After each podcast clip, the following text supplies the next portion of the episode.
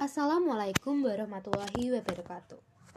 Perkenalkan, nama aku Karina Edi Irianti dari kelas 11 MIPA 5, nomor absen 19. Di sini, aku bakal ngasih tahu ke kalian gimana sih perkembangan penjajahan bangsa Belanda di Indonesia. Nah, sebelumnya kalian tahu nggak awal mula kedatangan Belanda di Indonesia? Mungkin sebagian dari kalian belum tahu ya, gimana sih kedatangan Belanda di Indonesia? Nah, ternyata Belanda adalah penjajah Indonesia yang paling lama. Tapi, Belanda bukanlah bangsa Eropa yang pertama menaklukkan Nusantara. Sebelum Belanda, ada Portugis dan Spanyol yang tiba lebih dahulu. Di awal abad ke-16-an. Terus kenapa ya Belanda datang belakangan? Nah, di abad ke-16, wilayah-wilayah di Belanda ada di bawah kekuasaan kerajaan Spanyol. Tapi, revolusi atau perang kemerdekaan sejak tahun 1560-an mendorong Belanda mempunyai jalur perdagangan sendiri. Nah, sebelumnya Belanda itu cuma perantara atau pengejar rempah-rempah yang dibawa Portugis dari Nusantara. Maka pada tahun 1598, Belanda melancarkan ekspedisinya untuk mencari kepulauan rempah-rempah sebanyak 4 kapal dengan 249 awak dan 64 pucuk meriam berangkat di bawah pimpinan Cornelis de Houtman. Pada Juni 1596, kapal-kapal de Houtman sampai di Banten di pelabuhan lada terbesar di Jawa Barat. Tapi belum lama singgah, Belanda sudah terlibat perang dengan rakyat pribumi. De Houtman pun angkat kaki dan berlayar ke timur melalui pantai utara Jawa. Setelah mendapat berbagai penolakan di Jawa, De Houtman kembali ke negaranya dengan membawa banyak sekali rempah-rempah. Pelayaran De Houtman sebenarnya gak terlalu sukses sih. Selama dua tahun berlayar, hanya tiga kapal dan 89 awak yang kembali ke Belanda. Selain diulawan penduduk lokal, para penjelajah Belanda terkendala cuaca dan wabah penyakit.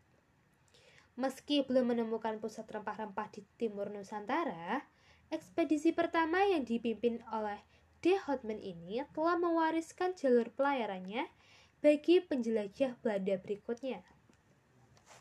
Maka pada tahun berikutnya, Belanda kembali menggelar ekspedisi kedua ke Nusantara. Proses kedatangan Belanda di Indonesia pada 1598 sebanyak 22 kapal milik lima perusahaan Belanda yang berbeda berlayar ke Nusantara.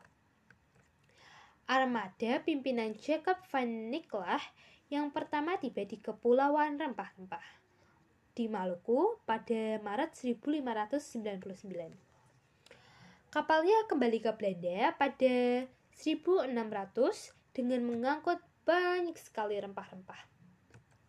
Keuntungan yang diperoleh mencapai 400% loh. Wow, banyak sekali ya. Banyaknya keuntungan itu memikat Belanda. Belanda pun membentuk Foreign Ost Indies Company atau yang biasanya kita sebut dengan VOC nih. Nah, pada 1602, VOC dibentuk untuk menyatukan para pengusaha Belanda. VOC pun menuju Maluku dalam misi perdagangannya. Di sana, VOC mengganggu Portugis yang sebelumnya memonopoli perdagangan. Portugis bekerja sama dengan Kesultanan Ternate yang ingin Portugis pergi dari Maluku. Pada 1605, VOC pun menyerang benteng Portugis di Maluku. Portugis pun terpaksa mundur nih ke Timur Leste. Kemenangan Belanda atas Portugis menjadi jalan masuk kolonialisme tiga abad setelahnya. Tak lama setelah menguasai Maluku, VOC melebarkan sayapnya ke Pulau Jawa. Nah, setelah kalian mengetahui awal mula gimana sih kedatangan Belanda di Indonesia, terus kebijakan apa aja sih yang kolonial Belanda yang diterapkan di Indonesia sewaktu melakukan penjajahan? Hmm, aku akan nyebutin beberapa ya. Yang pertama, membentuk ketentaraan, mendirikan tangsi-tangsi atau benteng, mendirikan pabrik mesin atau senjata di Semarang dan Surabaya. Yang kedua, membangun jalan pos dari Anyar sampai Panurakan dengan panjang kurang lebih 1000 km loh. Wow, panjang banget ya. Yang ketiga, membangun pelabuhan di Anyar dan ujung kulon guna kepentingan perang. Yang keempat, membentuk kerja rodi atau tanam paksa untuk membangun pangkalan tentara. Kalian juga pasti udah tahu kan apa itu kerja rodi dan tanam paksa? Nah, dari penjajahan Belanda di Indonesia, ternyata ada dampak negatif dan positifnya loh. Yuk kita pelajari sama-sama. Dampak negatif dari penjajahan Belanda di Indonesia itu yang pertama, kehidupan bangsa Indonesia menjadi sangat miskin, terbelangkai, dan memprihatinkan karena berbagai penindasan oleh pemerintah kolonial Belanda yang selalu bersikap sewenang-wenang terhadap bangsa Indonesia. Yang kedua, banyaknya peperangan atas berbagai kerajaan di berbagai daerah Indonesia yang dilakukan pemerintah kolonial Belanda sehingga mengakibatkan banyaknya masyarakat Indonesia yang meninggal. Yang ketiga, terpecah-pecahnya masyarakat Indonesia karena politik adu domba pemerintah kolonial Belanda. Yang keempat, kehidupan bangsa Indonesia yang terkekang karena dikendalikan oleh pemerintah kolonial Belanda.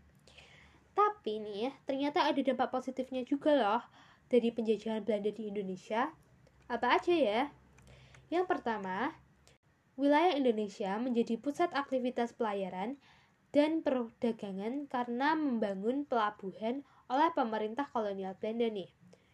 Yang kedua, banyaknya pusat-pusat aktivitas industri yang dibangun sehingga membutuhkan tenaga kerja yang artinya berperan mengurangi angka pengangguran di Indonesia.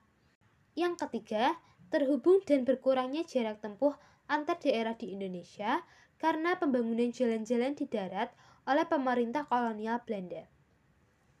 Yang keempat, bermunculnya kaum intelektual yang cerdas di antara masyarakat bangsa Indonesia yang berguna sebagai bibit-bibit pemimpin karena membangun berbagai sekolah serta program pengajaran yang dilaksanakan pemerintah kolonial Belanda.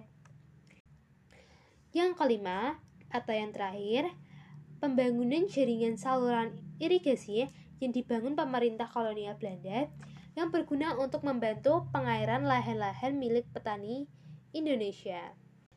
Nah, sekarang kalian udah tahu kan awal mula, terus kebijakan kolonial Belanda serta dampak yang ditimbulkan dari penjajahan Belanda.